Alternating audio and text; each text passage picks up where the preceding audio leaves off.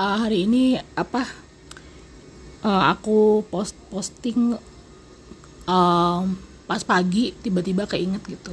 Kayaknya aku harus share my pandemic life selama dua tahun lebih ini gitu. Yang pertama mungkin mau aku share tuh bagaimana kami memulai hidup tanpa pembantu gitu. Sebenarnya sih uh, sejak nikah tuh basically aku ada pembantu tapi pulang pergi gitu. Karena kan apa sih nggak biasa aja gitu ada orang di rumah gitu kan aneh. Dan waktu itu kan aku merit. Kalau lihat episode sebelumnya kan aku uh, apa nggak lama kenal baru merit. Jadi kayaknya butuh penyesuaian.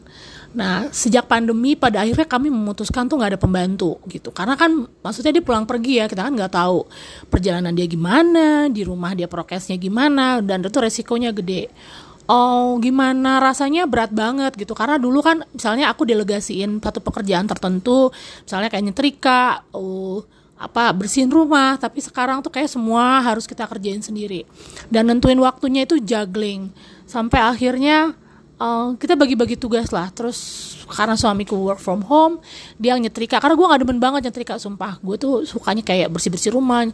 Um, apa sih namanya uh, uh, nyuci gitu kan. Terus masak tuh bagi gue challenging juga karena masak harus tentuin menu kan gitu. Nah seperti itu. Dan satu sisi gue sebenarnya rada-rada nggak ada penjajan karena menurut gue tuh juga nggak sehat gitu. Dan ya pengen ngurangin berat badan gitu. Nah terus nah seperti itu gitu. Um, berat banget berat banget. Dan ada sempat beberapa lama uh, karena hidup tuh kayak begitu-begitu mulu kayak hamster uh, gue tuh jenuh banget dan depresi jujur aja bener. Terus um, bangun tidur mikirin mau menu apa terus mandi baru jam setengah tiga. Um, nggak nggak nggak nggak gampang gitu. Dan akhirnya gue sangat sangat appreciate tuh ya emang kalau kita harus appreciate pembantu gitu ya. Atau ART lah gitu. Nggak usah ganti-ganti istilah lah. Uh, fungsinya juga tetap sama dia emang yang ngebantuin kita. Terus um, walaupun di satu sisi menghemat banget sih nah, terus um, sampai akhirnya gue memutuskan nggak bisa nih kayak gini jadi aku pokoknya mandi dandan terus akhirnya bagi-bagi tugas. Oke okay lah maksudnya bisa keep up gitu dan malah jadi terbiasa nggak ada pembantu. Tapi emang kalau waktu emang tetap susah sih uh, terutama ngejar mau makan. Karena menurut gue ya gue juga gue tuh bukan tipe yang ibu-ibu banget gitu. Gue tetap pengen punya waktu buat olahraga gitu ya. Pengen punya waktu membaca atau segala macem gitu. Supaya apa? Gembira gitu loh. Lo kalau ibu tuh gembira tuh si rumah gembira gitu. Dan dan gue nggak ada punya waktu untuk nulis-nulis status misalnya. Uh, gue seneng foto gitu ya. Terus atau misalnya akhirnya juga gini. Gue karena ngerjain semua dalam diam gitu jadi gue jenuh.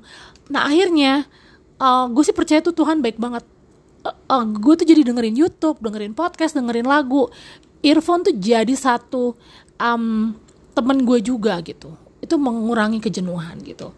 Kayak sekarang gitu. Pasti harus makanya kalau wifi mati ini kayak sekarang, aduh gila banget deh. Uh, bener-bener tuh uh, itu yang membuat gue tuh bisa happy gitu. Gue sebenarnya seneng di rumah. Gue ambivert, gue suka jalan tapi gue juga suka di rumah gitu ya. Um, and then uh, apa lagi? Uh, uh, apa ya? Lebih private sih gitu. Tapi memang akhirnya membuat gue tuh terbatas untuk bisa melakukan kegiatan-kegiatan lain di luar rumah. Plus emang keadaan pandemi. Dan ke depan mungkin memang pada akhirnya uh, mau harus terima sih ya. Misalnya mau ngumpul kalau dulu kan masih bisa ya mau ngumpul-ngumpul tuh misalnya tinggal oke okay, kerjaan rumah nanti ada ada yang datang pembantu gitu. Gue tinggal ini ini ngatur. Kalau sekarang kayaknya enggak deh gitu kan. Jadi ya berdamai dengan kita bisa tetepin boundaries gitu. Eh, nggak uh, perlu ada rasa nggak enak sama orang nggak perlu ada rasa aduh gimana ya? Nggak uh, kita tuh hidup tuh memang harus bisa create boundaries kita sendiri gitu loh. Uh, bukan untuk menyenangkan orang lain gitu. Uh, tetapi memang membuat hidup kita tuh lebih bahagia lebih damai. Lo bagaimana bisa bisa bisa get along sama orang lo aja nggak damai gitu kan di rumah gitu. Yang ada lo capek dalam hidup. Terus um, pada akhirnya juga uh, dengan gak ada pembantu juga emang melatih anak juga gitu kan. Ayo bersihin tempat tidur.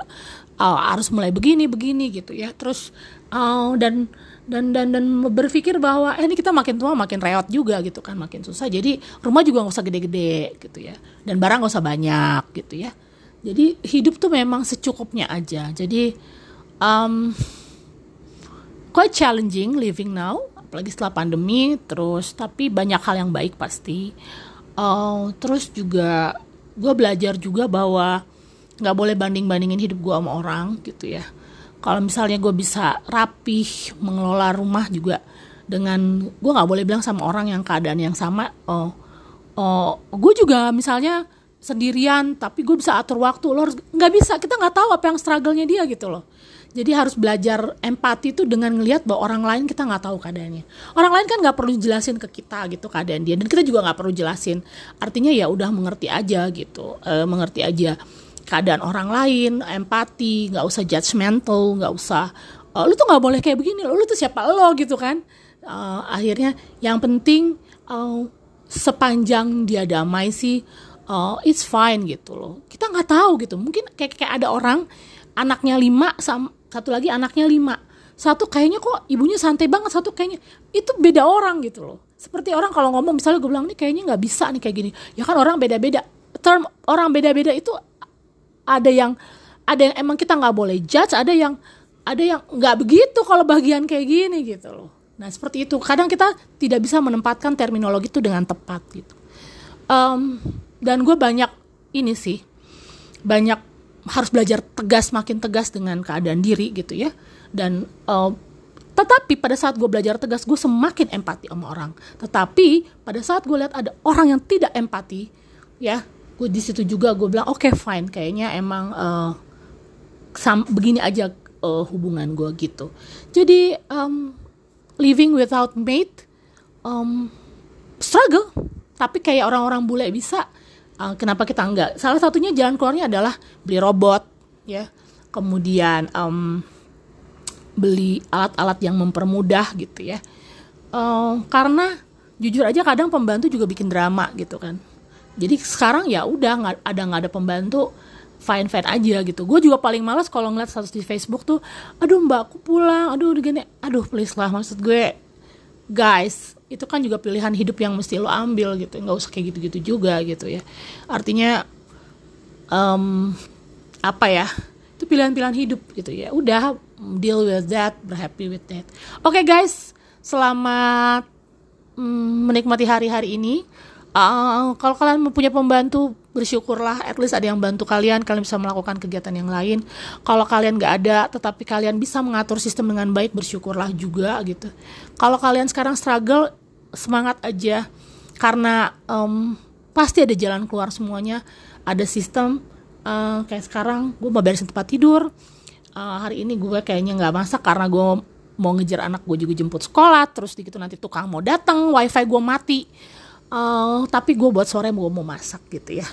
Um, well I'll see you. Nanti akan ada lanjutannya. Apalagi sih ya pelajaran yang gue dapet selama pandemi ini gitu. Ternyata banyak hal-hal baik juga loh.